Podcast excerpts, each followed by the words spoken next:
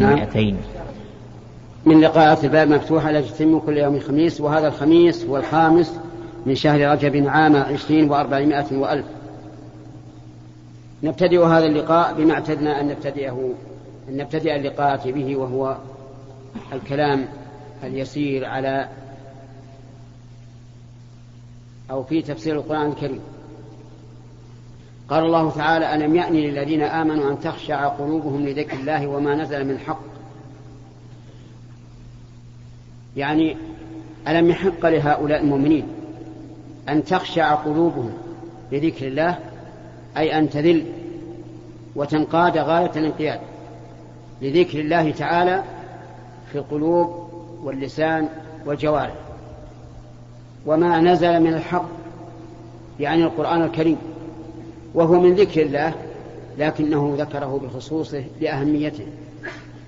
ولا يكون يعني وأن لا يكونوا كالذين أوتوا الكتاب من قبل فقست قلوبهم وكثير منهم فاسقون.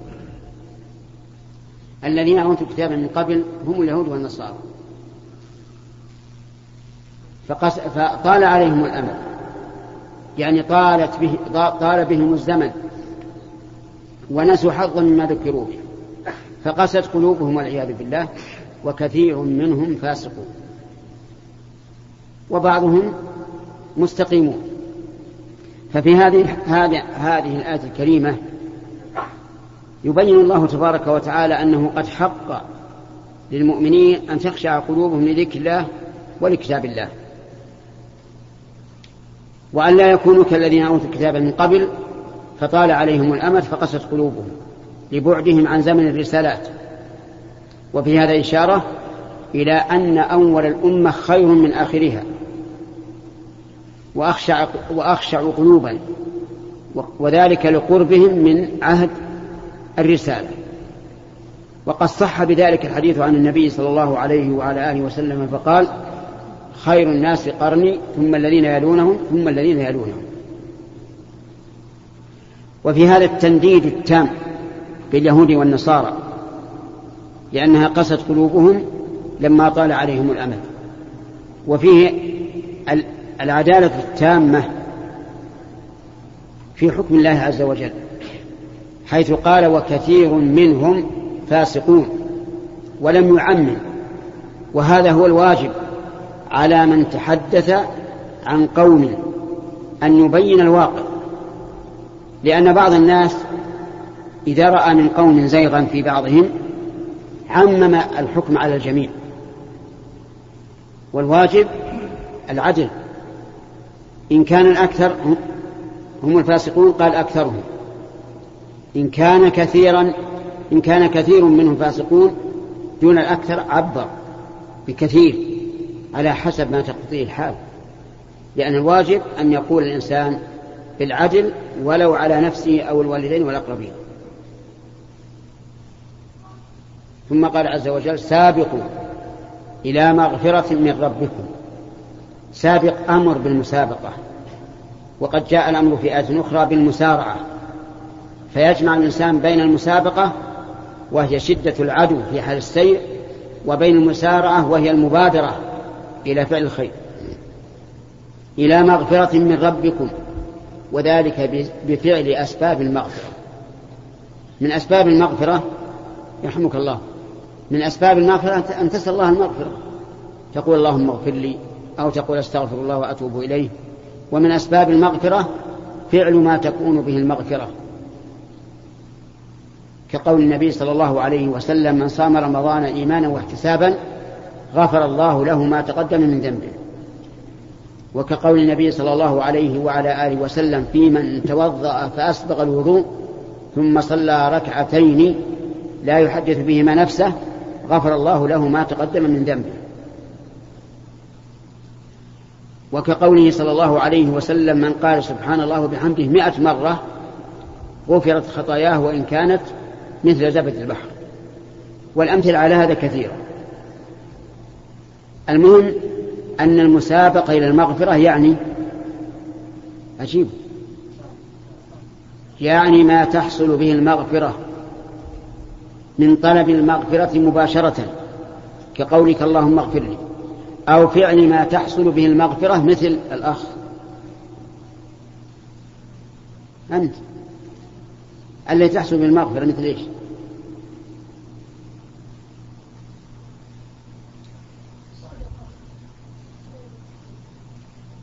نعم. صيام رمضان إيمانا واحتسابا.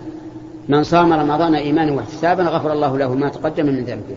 الصدقة أيضا تطفئ الخطيئة كما يطفئ الماء النار. وجنة عرضها. الجنة هي دار النعيم التي أعدها الله عز وجل للمتقين. فيها ما لا عين رأت ولا أذن سمعت ولا خطر على قلب بشر. فيها فاكهة ونخل رمان فرش عسل لبن وغير ذلك. لكن هل تظن أن ما فيها يشابه ما في الدنيا؟ الجواب لا.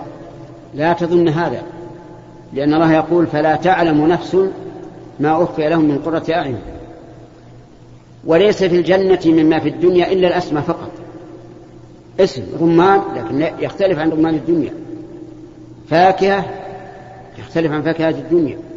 فرش تختلف عن فرش الدنيا. وهلم جرا انتبه لهذا.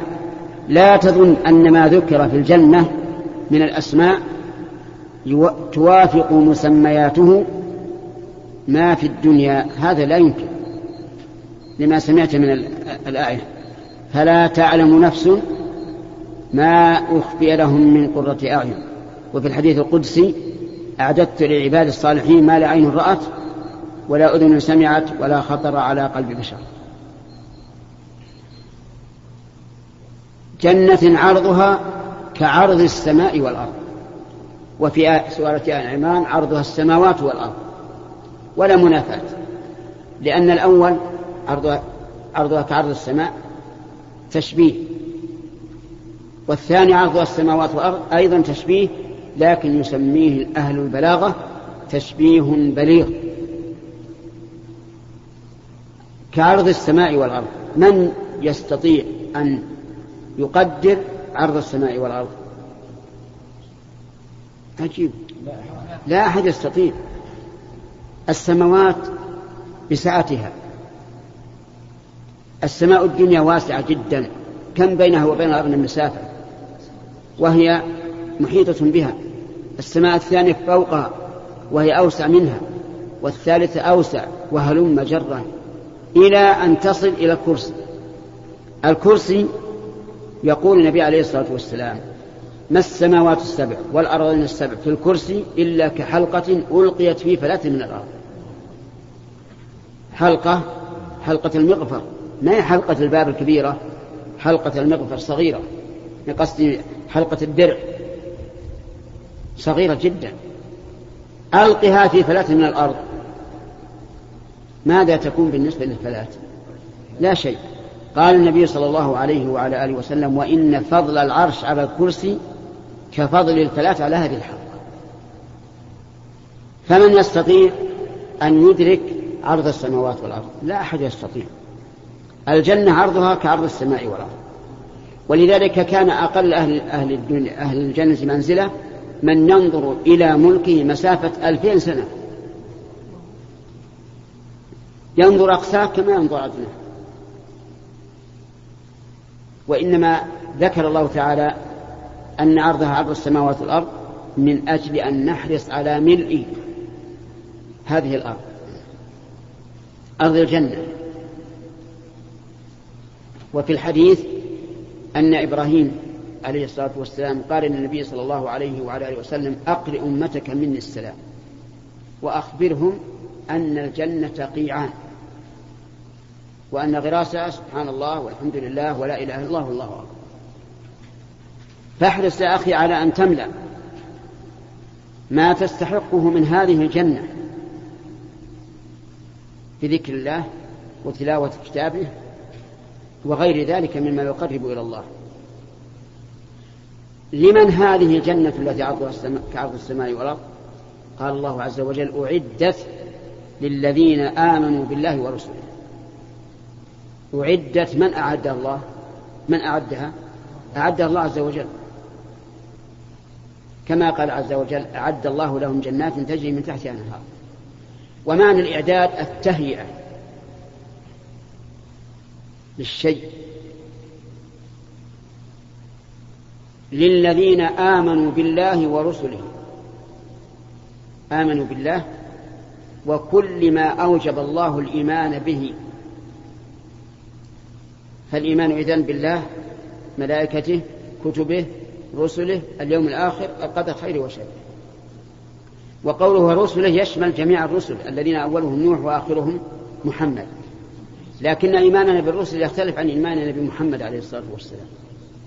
إيماننا بالرسل أن نؤمن بأنهم صادقون مبلغون عن الله ونؤمن بما بكل ما صح من أخبارهم. أما اتباعهم فلا. الاتباع للنبي صلى الله عليه وعلى آله وسلم.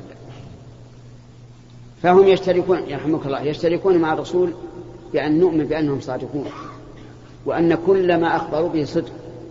وأن كل ما جاءوا به فهو عدل ومناسب لأحوال أممهم في وقتهم.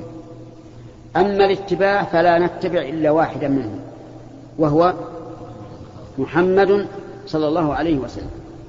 وقول آمنوا بالله ورسله يدل على أن على أن أهل الكتاب اليهود والنصارى ليسوا من أهل الجنة لأنهم لم يؤمنوا برسل الله. لم يؤمنوا برسل الله. الدليل أنهم كفروا بمحمد عليه الصلاة والسلام. والكافر برسول من الرسل كافر بالجميع. كيف وقد جاء محمد صلى الله عليه وعلى آله وسلم بنسخ جميع الشرائع السابقة؟ ألم تسمعوا قول الله عز وجل كذبت قوم نوح المرسلين؟ عجيب طيب. هل سبق نوحا أحد من الرسل؟ كيف يقول كي كذبت قوم نوح المرسلين؟ أحمد القرآن موجود؟ كيف يقول كذبت قوم نوح المرسلين؟ الجواب لأن من كذب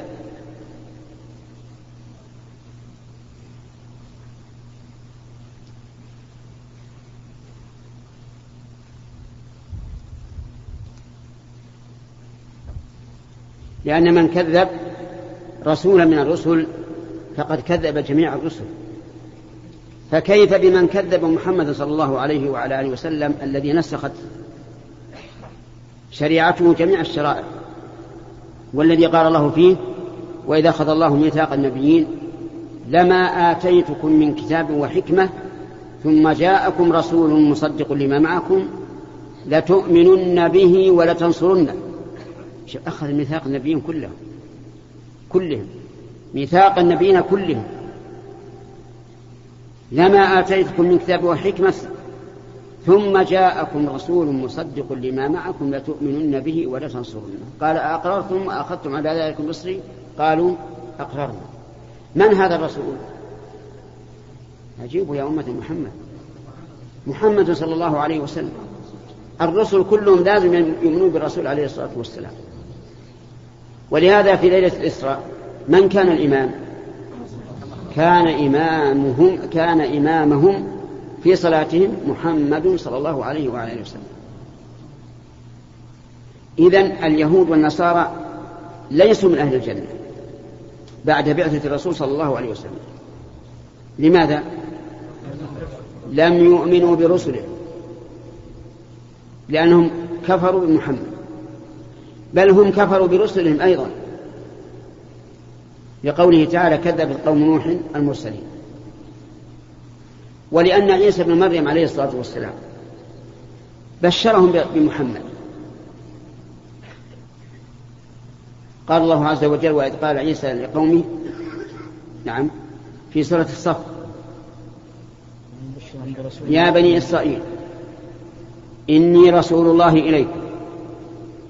وإذ قال عيسى بن مريم يا بني إسرائيل إني رسول الله إليكم مصدقا لما بين يدي من التوراة ومبشرا برسول يأتي من بعدي اسمه أحمد. فلما جاءهم هذا الرسول الذي بشر به عيسى قالوا هذا سحر مبين وكفروا به. إذا هم كفروا بعيسى وردوا بشارته وأنكروها. ولا يجوز لنا أبدا أن نقول إن أديان اليهود والنصارى اليوم أديان صحيحة أبدا بل هي أديان باطلة غير مقبولة عند الله. كما قال عز وجل ومن يبتغي غير الإسلام دينا فلن فلن يقبل منه. أعود إلى الآية قال الله عز وجل أعدت للذين آمنوا بالله ورسله ذلك فضل الله يؤتيه من يشاء. ذلك أي ما أعد الله لهؤلاء المؤمنين بالله ورسله فضل الله. فضل الله في أنهم آمنوا بالله آمنوا برسله اتبعوا الرسول صلى الله عليه وعلى آله وسلم أثيبوا بهذه الجنات. فضل الله يؤتيه من يشاء. اللهم آتنا من فضلك. يؤتيه من يشاء. والله ذو الفضل العظيم. قوله يؤتيه من يشاء هل هل تظنون أن هذه المشيئة مجرد مشيئة؟ لا. هي مشيئة مقترنة بالحكمة. يعني من كان أهلا للفضل آتاه الله الفضل. ومن لم يكن أهلا له لم يؤته. الدليل قول الله تبارك وتعالى الله أعلم حيث يجعل رسالته. فلن يجعل رسالته إلا في من هو أهل لها وقال الله عز وجل فلما زاغوا أزاغ الله قلوبهم. وقال عز وجل فإن تولوا فاعلم أن ما يريد الله أن يصيبهم ببعض ذنوبهم وإن كثيرا من الناس لفاسقون. لا تظن أن الله يعطي الفضل من شاء بدون سبب لا بد من سبب. فمتى علم الله في قلب الإنسان خيرا؟ اللهم اجعل قلوبنا ممتلئة بالخير. متى علم الله في قلب الإنسان خيرا آتاه الخير.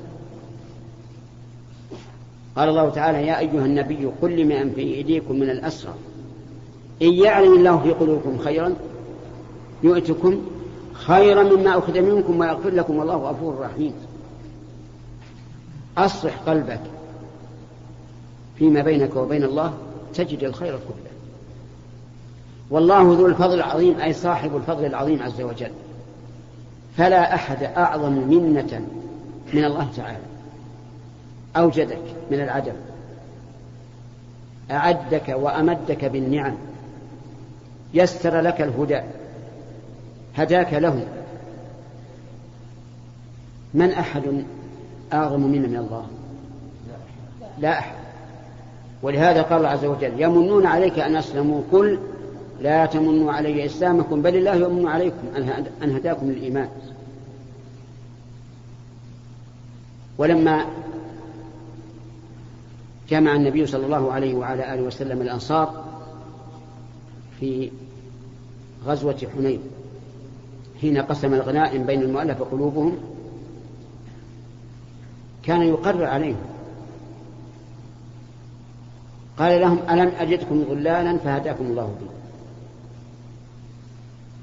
قال الله ورسوله أمك قال ألم أجدكم متفرقين فألفكم الله بي قال الله ورسوله أمك كلما قال قولا قال الله ورسوله أمن.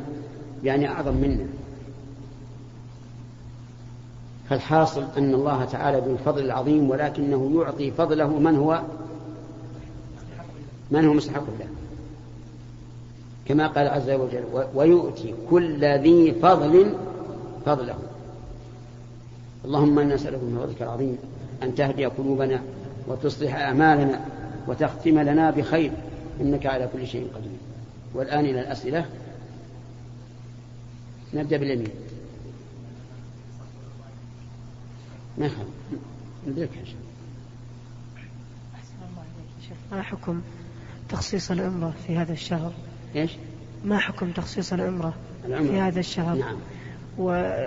وهل البدع أكبر من الكبائر أم؟ وهل؟ وهل البدع أكبر من الكبائر؟ نعم. هذان سؤالان جعل في غلاف واحد وهو من ذكاء هذا السائل لأننا في هذا المقام ما نقبل إلا سؤال واحد. أيهما أحب إليك؟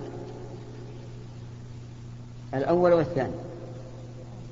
الأول. طيب. آه، رجب أحد الأشهر الأربعة الحرم. وهي تعرفها؟ الأشهر الحرم تعرفها؟ لا. ذو القعدة ذو الحجة محرم ورجب. هذه أربع أشهر حرم ورجب منها بلا شك. والله حرم القتال فيها. أما الثلاثة ذو القعدة وذو الحجة محرم فلأنها أشهر الحج. القعدة للقادمين إلى مكة. الحجة للذين في مكة. ومحرم للراجعين من مكة. جعل الله هذه الأشهر الحرم يحرم فيها القتال حتى يأمن الناس الذين يأتون إلى إيش؟ إلى الحج. شهر رجب كانوا في الجاهلية يعظمونه. ويعتمرون فيه. فجعله الله محرم واختلف السلف رحمهم الله. هل العمرة فيه سنة أو لا؟ فقال بعضهم إنها سنة وقال آخرون لا. لأنها لو كانت سنة لبينها الرسول صلى الله عليه وعلى آله وسلم إما بقوله وإما بفعله والعمرة في أشهر الحج أفضل من العمرة في رجب. لأن النبي صلى الله عليه وعلى آله وسلم اعتمر في أشهر الحج. ولما ذكر ابن عمر رضي الله عنهما أن النبي صلى الله عليه وعلى آله وسلم اعتمر في رجب وهمته عائشة. وقالت لقد وهم أبو عبد الرحمن. قالت له وهو يسمع فسكت. فعلى كل حال لا أرى دليلا واضحا على استحباب العمرة في رجب.